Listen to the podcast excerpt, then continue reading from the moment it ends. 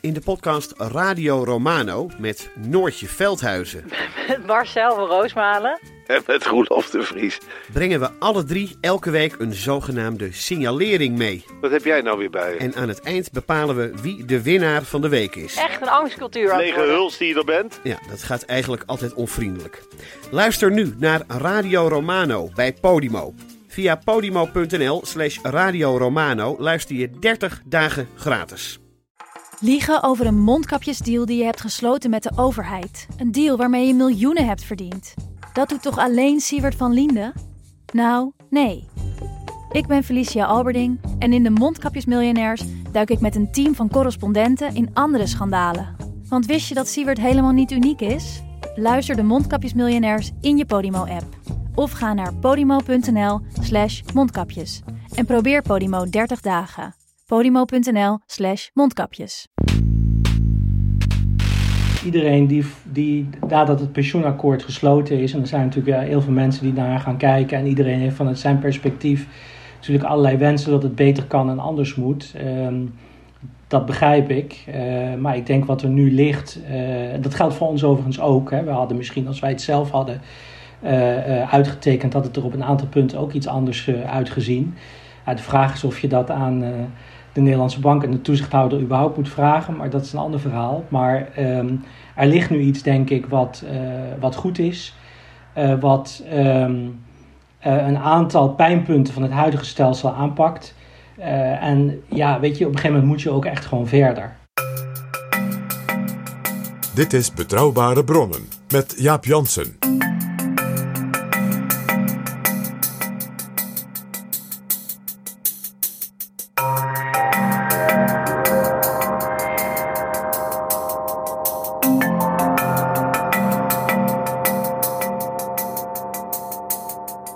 Hallo, welkom in Betrouwbare Bronnen, aflevering 132. Dinsdag organiseerde E.ON, de toonaangevende adviseur op het gebied van risico, pensioen en gezondheidsoplossingen, een online pensioencongres. Ik sprak daar met Olaf Slijpen, directielid van de Nederlandse Bank, over de toestand van 's lands economie en financiën. En dat gesprek, een dik half uur, iets korter dan je van me gewend bent, ga je nu beluisteren. Olaf Slijpen is sinds februari van dit jaar directeur monetaire zaken van de Nederlandse Bank. En hoogleraar Europees economisch beleid aan de Maastricht School of Business and Economics. En hij heeft zich vaak bezig gehouden met pensioenen, onder andere als toezichtdirecteur pensioenen. Hij werkte ook bij het ABP en bij pensioenuitvoerder APG.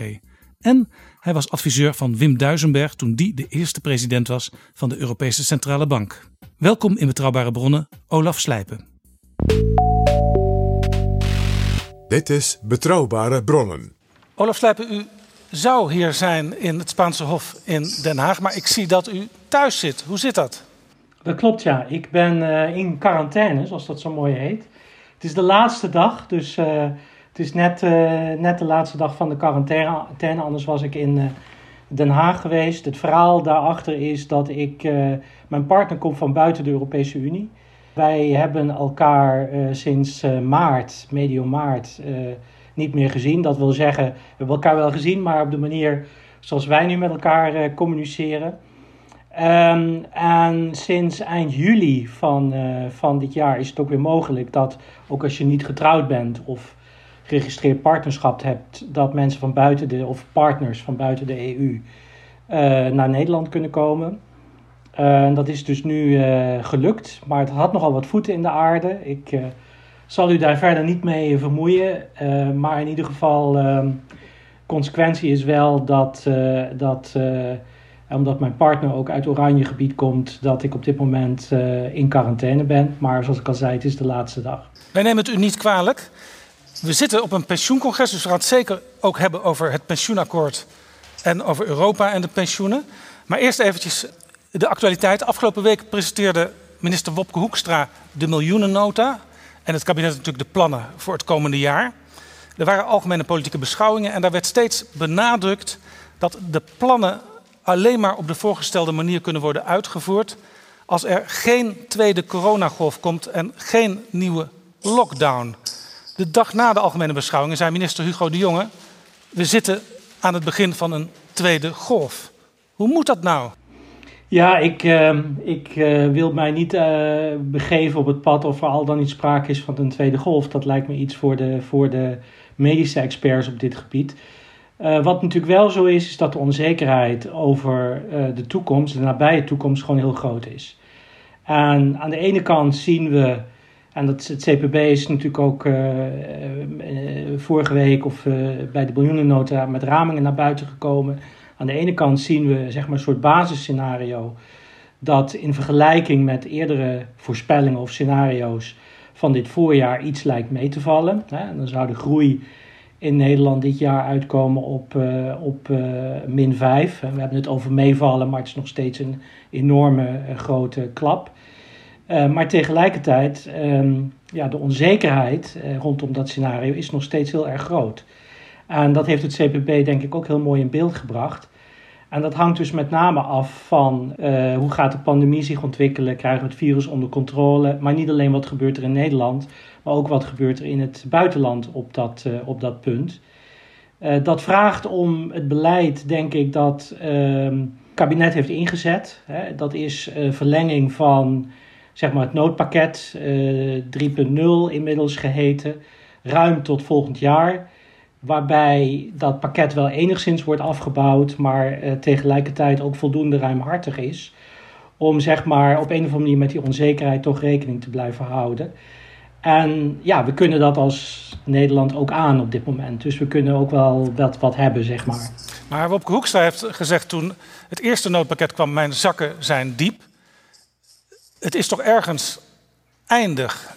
Stel, het gaat weer zoals het in het begin van die eerste golf ging, kan de overheid dan die steunpakketten wel volhouden? Nou, uiteindelijk, uiteindelijk is alles eindig inderdaad. Maar uh, als je kijkt waar de Nederlandse overheidsschuld stond hè, voor de start van, uh, van uh, deze pandemie. En ook als je kijkt naar de ramingen op dit moment. zelfs als daar nog wat bij komt, en dat is misschien helemaal niet onwaarschijnlijk in termen van schuld, dan nog kan, kan de Nederlandse overheidsschuld dat hebben. Dus um, ik denk dat dat niet hetgene is waar we op dit moment ons het meeste zorgen over moeten maken.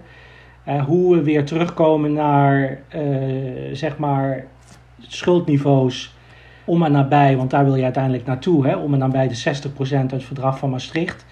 Dat lijkt me iets waar we later naar moeten kijken, maar niet, uh, niet nu. Ik denk dat we ons daar nu niet op dit moment te veel zorgen over moeten maken. Ja, hoe verklaart u dat gek genoeg het aantal faillissementen nog nooit zo laag was als nu, de afgelopen maanden? Nou, het feit dat uh, het, laat, het laat zien dat die steunpakketten helpen. Hè. Het blijkt ook uit analyses van onszelf, hè, van DNB, dat uh, die steunpakketten echt wel ertoe doen. en met name ook, en dat heeft natuurlijk deels te maken met het omzetcriterium, dat bijvoorbeeld in de nauwregeling zit dat ook de sectoren die het hardste nodig hebben, denk aan cultuur, denk aan recreatie, denk aan horeca, dat dat ook de sectoren zijn uh, die er het meeste baat uh, bij hebben. Um, um, ja, of dat natuurlijk naar in, de, in de loop van de tijd uh, zo blijft, ja, dat is natuurlijk nog de vraag. Er zullen zeker meer faillissementen gaan komen. Uh, in de eerste plaats natuurlijk ook omdat die regelingen geleidelijk worden afgebouwd. Maar zelfs met die regelingen, die nemen natuurlijk iets van de, van de eerste pijn weg. Ja, wordt het natuurlijk op een gegeven moment toch steeds moeilijker voor uh, ondernemers om de boel draaiende te houden. Dus helaas zijn uh, naar de toekomst toe faillissementen niet uit te sluiten. Heel veel bedrijven moesten al snel die hulp aanvragen. is een les misschien die we nu al geleerd hebben in deze crisis dat onze buffers, zowel van de bedrijven als van de gezinnen, misschien wat aan de beperkte kant zijn? Nou, ik denk dat een algemene les, en het is natuurlijk een enorme open deur, maar het is wel een heel belangrijke open deur. Dat als je uh, buffers hebt, dat, uh, dat je dan uh, een crisis beter in kunt gaan. We hadden het net al even over de overheidsfinanciën en het feit dat onze schuld, onze staatsschuld, tot een relatief laag niveau is teruggebracht. Daar hebben we nu voordeel van na de financiële crisis is er ontzettend veel uh, energie gestoken in het uh, opbouwen van de buffers van banken. Uh, dus die staan er ook veel beter voor dan voor de financiële crisis het geval, eh, het geval was. Um, tegelijkertijd moet je inderdaad constateren dat de verschulding van, van onszelf, hè, van de burgers, maar ook van bedrijven, hoog is, ook internationaal hoog is. Gelukkig wel wat gedaald, maar nog steeds aan de hoge kant is. En ja, dat lijkt me wel iets, niet nu, hè, wederom om, om de reden die ik net zei. We zijn nu bezig met uh, het managen van de fallout van uh, de pandemie. Maar dat is wel iets wat uh, naar de toekomst toe, denk ik, zeker aandacht behoeft. juist, juist ook vanwege het punt dat u net noemt, dat het belangrijk is om die buffers te hebben. Ja, ik hoor u zeggen, ondanks alles is de Nederlandse financieel-economische situatie op de wat langere termijn gezond. Ja, we zijn, we zijn, deze, we zijn deze crisis uh, uh, ingegaan, uh, zeg maar, met een gezonde economie. En daar hebben we nu, daar hebben we nu voordeel, voordeel van. Um, dat deze economie, of dat deze crisis littekens gaat achterlaten. ik denk dat ook het CPB daar een aantal interessante studies over heeft geschreven. ik denk dat dat zo is. Dat, hoe langer deze crisis duurt, hoe meer dat ook zo, zo zal zijn. Um, maar juist ook omdat deze crisis zijn oorsprong niet heeft in de economie zelf, hè, maar echt een externe oorzaak is. Het is een, medische, het is een medisch probleem. Uh, en de oplossing ligt overigens ook daar. Hè. Dat maakt het voor centrale bankiers, beleidsmakers ook best wel wat frustrerend. Hè. Je kunt de schok opvangen. Ik heb het wel eens de airbag genoemd, maar je kunt het niet oplossen. Wat dat betreft is het echt anders dan de, de financiële crisis. De oplossing moet echt komen vanuit ja, zeg maar de medische wereld. En dat maakt dat, uh, maakt dat ja, dit toch wel, ondanks het feit dat het een hele diepe crisis is, wel een iets wat ander verhaal is dan de financiële crisis van 2008. Laten we even naar de pensioenen gaan kijken. We hebben nu natuurlijk het pensioenakkoord en een plan voor een nieuw pensioensysteem. het kabinet heeft aangekondigd, komend jaar komt daar wetgeving voor naar de Tweede Kamer. Voordat de crisis losbarstte, was er al um, zorg bij veel mensen, gaat mijn pensioen straks niet omlaag? Want het duurt nog een aantal jaren, uh, een jaar of vijf, zes, voordat dat nieuwe systeem is ingevoerd. En uh, enkele fondsen, niet de minste fondsen, bijvoorbeeld het Algemeen Burgerlijk Pensioenfonds, het uh, Zorgfonds PFZW en het Metaalfonds mm. PMT, ja, die staan er niet zo goed voor. En dat beeld was al slecht voordat de coronacrisis uitbrak. Moeten mensen zich zorgen maken over die pensioenen? Nou, de, de, uh, er zijn inmiddels, zoals u weet, uh, afspraken gemaakt, of de minister heeft afspraken gemaakt over um, onder welk niveau er eventueel gekort moet worden. dat, uh, in ieder geval zijn die afspraken er gemaakt voor zeg maar het komend jaar. en die grens die ligt bij, bij 90 procent. Dat die afspraken zijn verleden jaar ook uh, gemaakt. ik denk dat je zeker op dit moment economisch kunt spreken over uitzonderlijke omstandigheden. En ja, dat, die mogelijkheid heeft de minister ook om dat te doen. Er is inmiddels natuurlijk ook een discussie gestart over hoe gaan we nou om met die periode tussen zeg maar even het pensioenakkoord en de daadwerkelijke inwerktreding en werkingtreding van de wetgeving. Ja, want daar, daar is een vraag over gesteld door een van de mensen die nu meekijkt. Uh, de vraag is eigenlijk, zou dat nieuwe pensioenstelsel niet sneller kunnen worden ingevoerd, zodat we misschien op die manier die korting kunnen vermijden? Kijk, er zijn een paar dingen. In de eerste plaats heb je natuurlijk een wetgevingstraject dat gewoon zorgvuldig moet worden doorlopen. Dat kost gewoon tijd. Ik denk, als je naar het tijdpad kijkt, is dat best wel ambitieus zoals dat nu is neergelegd. Eh, daarnaast ehm, moeten de pensioenfondsen natuurlijk discussie gaan voeren met al hun belanghebbenden welke koers ze willen gaan varen in dat nieuwe contract.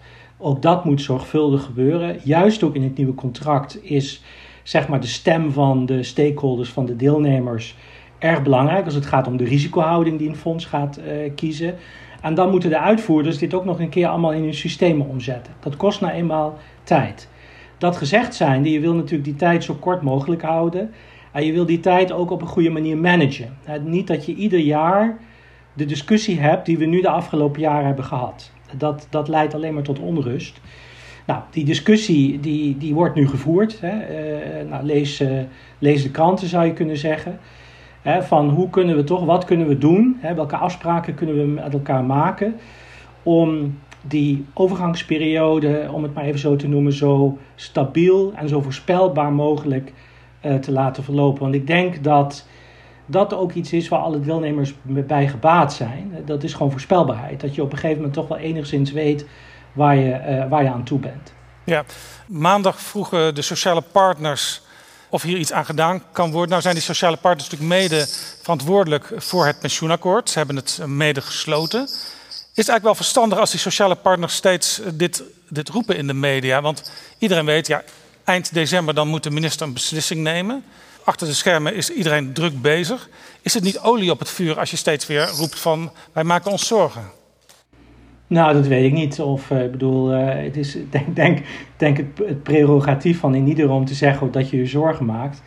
Uh, en um, er, zijn, er zijn voor, in ieder geval waren er afspraken gemaakt voor het komend jaar. ik begrijp heel goed de behoefte om verder te kijken dan dat. om te kijken van, om in ieder geval op hoofdlijnen gewoon een aantal afspraken met elkaar te maken. En volgens mij wordt daar inderdaad ook achter de schermen hard over, over gesproken.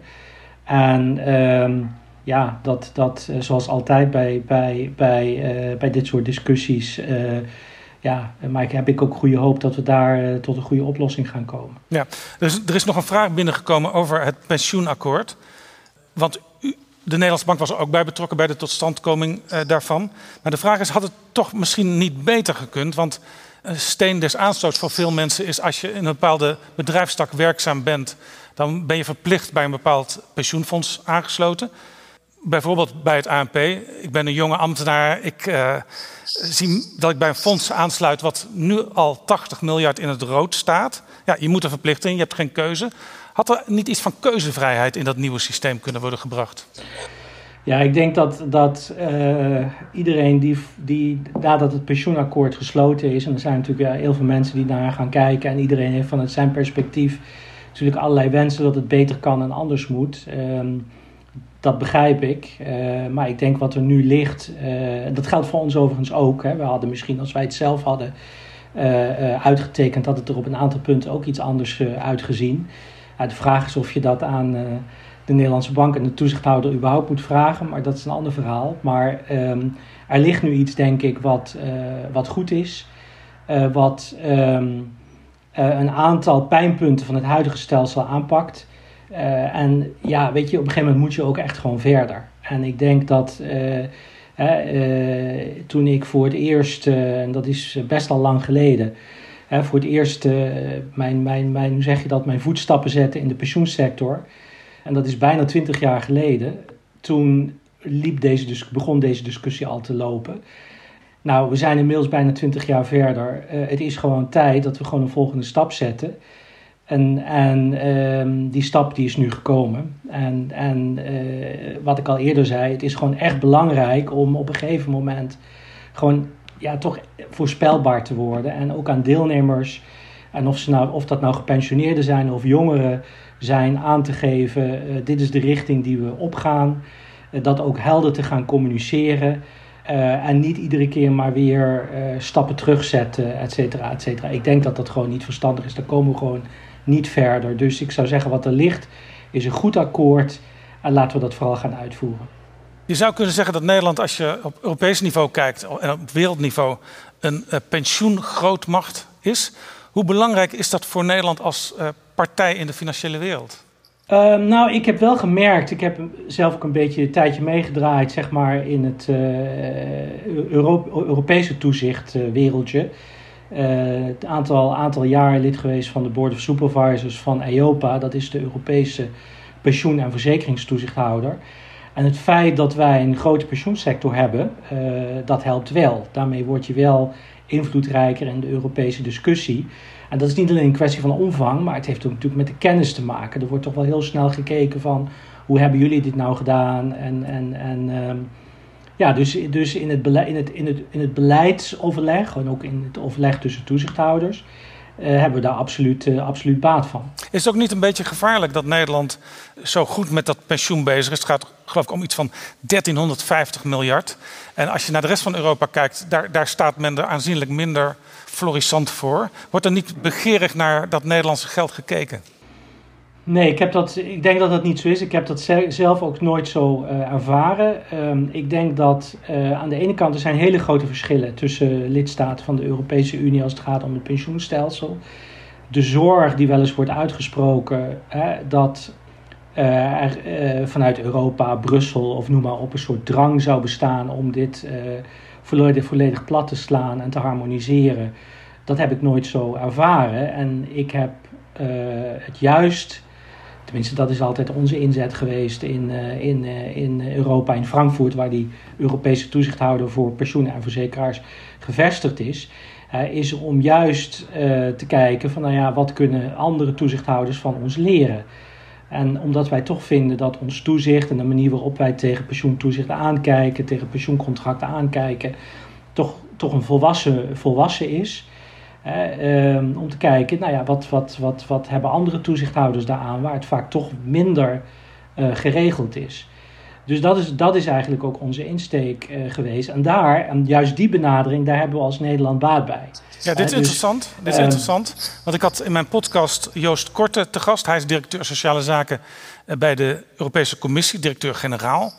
En hij is Nederlander en hij ziet dat Nederland te defensief wat hem betreft omgaat met deze discussie. Zo'n beetje van wij houden wat we houden hebben. Maar u zegt dus eigenlijk, en dat zei hij ook, we kunnen het ook een beetje als exportartikel beschouwen. Wij kunnen andere landen eh, leren hoe je een goed pensioenstelsel opbouwt en handhaaft.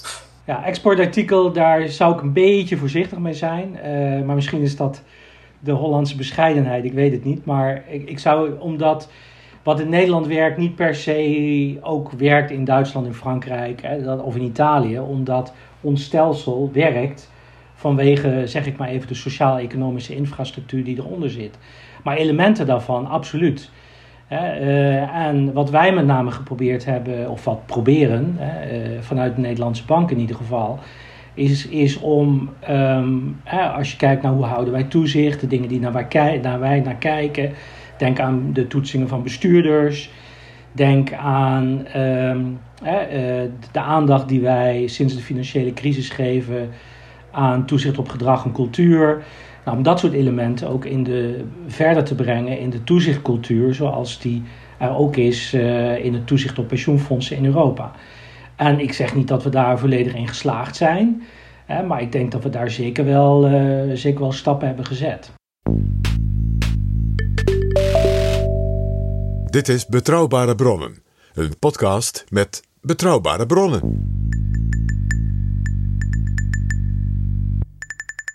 Als er discussie is tussen, en die discussie hebben we het afgelopen jaar gezien, tussen uh, Noord-Europa en Zuid-Europa over hoe we omgaan met, met het geld.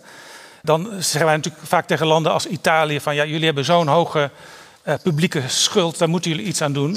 Maar Italië, om een land te noemen, die zegt dan tegen bijvoorbeeld Nederland: ja, maar jullie hebben heel hoge privéschulden. En ik denk dan ook aan de pensioenen. Is dat terecht dat, dat dan ook aan de pensioenen gedacht wordt, of moeten we dat echt helemaal uh, apart zetten? Nou, de redenering, ik zou, de redenering die, die u net noemt, die kan ik volgen. En uh, ik denk dat, ik daar ook, dat wij daar ook voor een deel voor eens, over eens zijn. Ik refereer daarbij aan de, ook aan de HJ schoollezing die mijn collega Klaas Klot onlangs heeft gegeven. en die me juist ook op dit aspect ingaat. Het is niet alleen de Zuid-Europese landen die moeten hervormen, maar wij ook.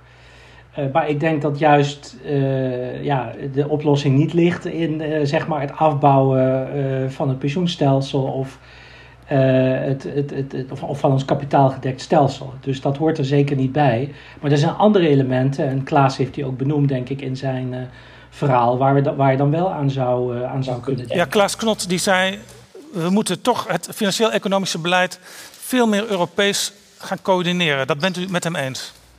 Ja, uiteraard ben ik het met hem eens. Dus uh, nee, maar eh, alle gekheid op een stokje. Uh, ik denk dat Klaas heel, heel goed duidelijk heeft gemaakt dat wij in de eerste plaats wat, wat, wat onze voordelen zijn. Hè, de voordelen zijn uh, die wij genieten van Europa. Niet alleen de binnenmarkt, maar ook van de euro. en, op het, en in zekere zin het feit dat landen als Italië, uh, Spanje, Griekenland, nou, noem maar op, aan boord zijn, ook in zekere zin goed is geweest voor onze exportpositie. de wisselkoers van de, van de gulden, zeg maar, stel dat hij nog bestaan had, zou veel hoger zijn geweest. Bovendien zijn ook die landen uh, die ik net noemde natuurlijk belangrijke uh, landen die weer goederen van ons, uh, van ons importeren. Dus we hebben hier heel veel profijt van, van gehad. Ja, wij hebben meer profijt van de euro dan de zuidelijke landen. Ja, dat is in feite het punt dat hij, dat, hij, dat hij maakt en dat vergeten we in het debat. Dat gezegd zijnde, daarom hè, dat wij ook het herstelfonds, eh, zoals dat nu eh, eh, overeen is gekomen door de Europese Raad, dat wij dat een hele goede stap vinden. Het is juist belangrijk dat landen als Italië, Spanje, Griekenland gaan investeren en hun productiviteitsgroei omhoog gaan brengen. dat betekent dus ook meer coördinatie. Hè. dat betekent ook dat wij met elkaar daar dan ook invloed op moeten hebben. Maar we moeten ook uh, natuurlijk erkennen dat wij, wij hebben een enorm groot lopende rekening uh, overschot. Uh, al, jaren, al jarenlang. Um, dat, wij, ja, dat wij ook wel wat dingen, dat wat dingen moeten doen. Hè. Klaas heeft in zijn, in zijn speech ook het plaatje laten zien van de ontwikkeling van het nationaal inkomen van Nederland en van ons besteedbaar inkomen. En er zit wel een gat tussen. Hè. Dus je ziet dat de perceptie van heel veel mensen dat ze denken is allemaal wel leuk en aardig dat Europa. Maar wat heb ik er nou concreet aan gehad? Hè? Wat heb ik er nou aan gemerkt uh, op mijn loonstrookje? Uh, dat dat gewoon klopt. Hè? En dat we daar ook echt wel iets aan moeten doen. Ja, een van de interessante dingen vond ik dat eh, Klaas Knot zei. In Nederland zouden eigenlijk de lonen omhoog moeten. Om, ook om te voorkomen dat in een land als Italië de lonen gekort zouden moeten worden. Ja, de, de redenering is eigenlijk als volgt. Hè? Want als je inderdaad zegt, nou, de Italianen of de Spanjaarden of de Grieken, ik noem ze allemaal maar even in één riddel, want ik wil me niet op één land uh, fixeren. Maar we weten waar, we het over hebben. Ja, als je zegt, nou ja, je gaat hervormen, je moet bijvoorbeeld iets doen aan de, de loonkosten.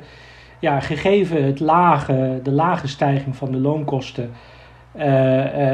per eenheid product in een land als Nederland als Duitsland, zou dat in dat soort landen betekenen dat je daar de lonen moet gaan verlagen. Nou ja, veel succes. Hè?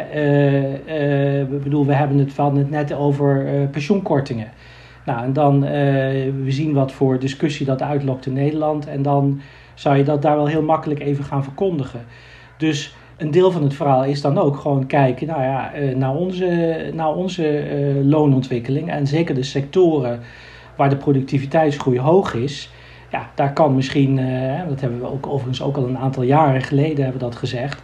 Ja, daar kan de loongroei, daar kan de loongroei best wat hoger zijn dan die structureel is geweest. Ja, we hadden het over de, de HJ schoollezing van Klaas Knot. Maar eigenlijk ging die lezing ook over het thema waar heel lang geleden uw proefschrift over ging. Want dat proefschrift had de centrale vraag: Does monetary union require a fiscal union? Het antwoord is, neem ik aan, ja, we hebben een fiscale unie nodig. Nou, het antwoord uh, dat ik in mijn proefschrift, uh, dat is overigens 1999 waar we het over, hebben. Toen was ik nog echt wel heel erg jong. Uh, niet dat ik, nog, dat ik nu heel oud ben, maar dat terzijde. Het antwoord op die vraag was, uh, was vrij genuanceerd. Wat ik gedaan heb was, ik heb gekeken naar de Verenigde Staten en hoe de Verenigde Staten zich eigenlijk als monetaire unie heeft, uh, uh, heeft ontwikkeld. En, um, daar, en ook hoe het begrotingsbeleid zich heeft ontwikkeld. Nou, de conclusie die je dan ook voor een deel kunt trekken is dat het toch wel heel erg moeilijk is om die twee economische blokken met elkaar te vergelijken. Maar een van de, van de punten die, die, toen, uh, die ik toen heb opgeschreven is van ja, als je op nationaal niveau, want wij hebben onze begrotingen vooral op nationaal niveau geregeld.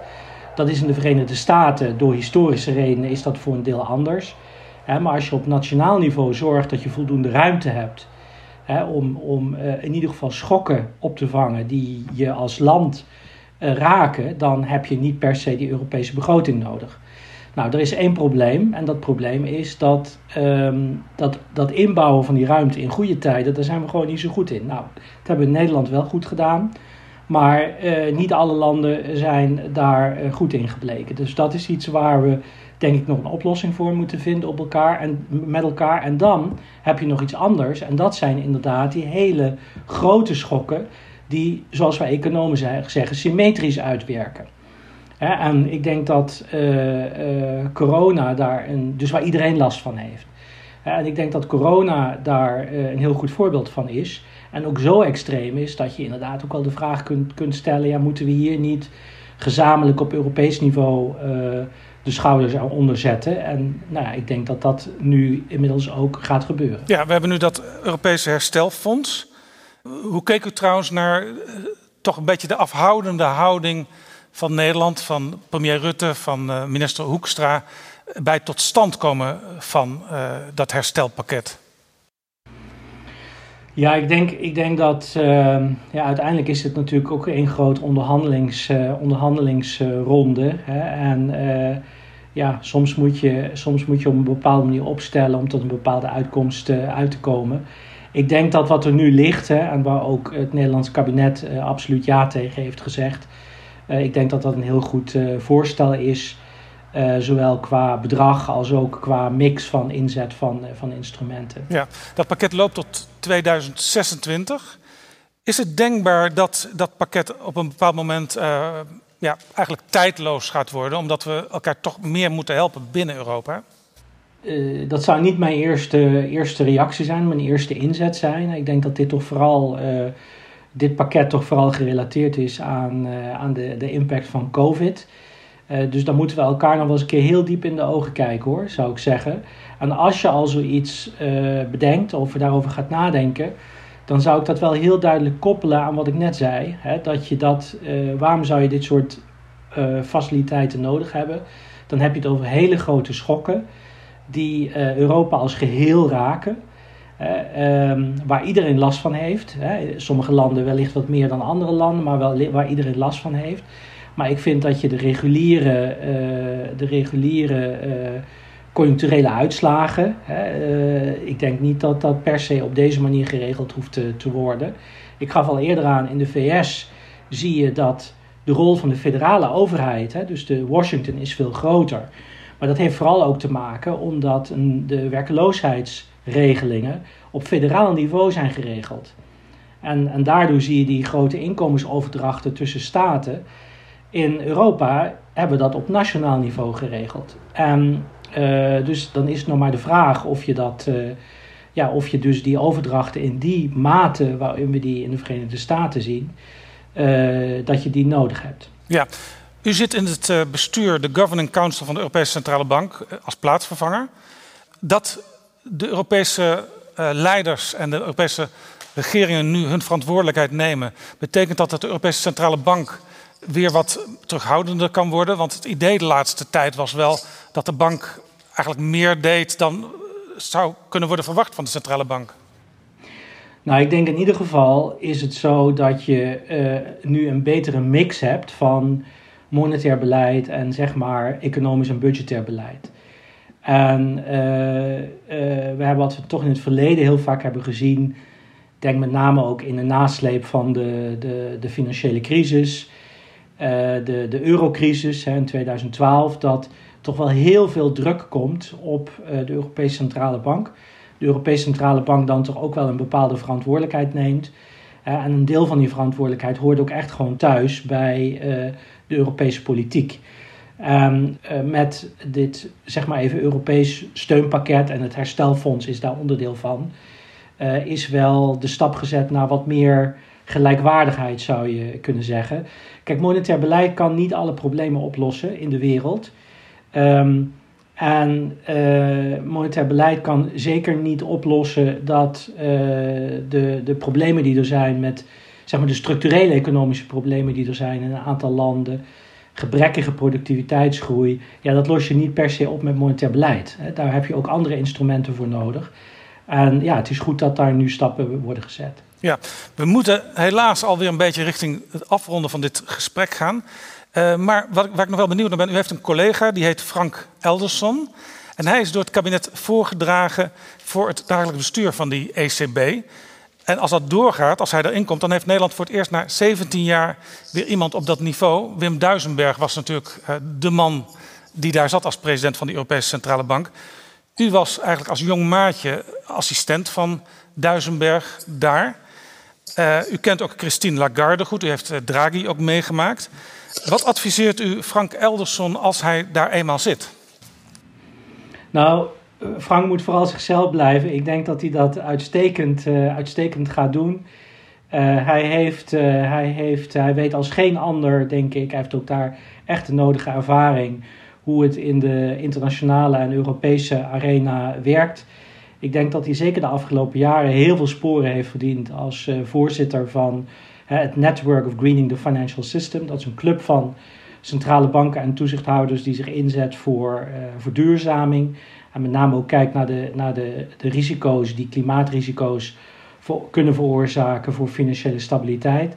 Daar heeft hij denk ik heel veel goed werk verricht. Dus ik denk als Frank gewoon Frank blijft. Ik had hier eigenlijk een soort spandoek, uh, spandoek bij me moeten hebben. Maar als Frank gewoon Frank blijft, dan komt dat allemaal heel goed. Dank u wel voor dit gesprek, Olaf Slijpen. Eh, fijn dat u er was, dat u er toch bij kon zijn. En ik hoop dat het uh, hierna snel weer in de, meer in de openheid uh, wordt voor u, dat u uit de private lockdown mag. Bedankt. Graag gedaan. Graag gedaan.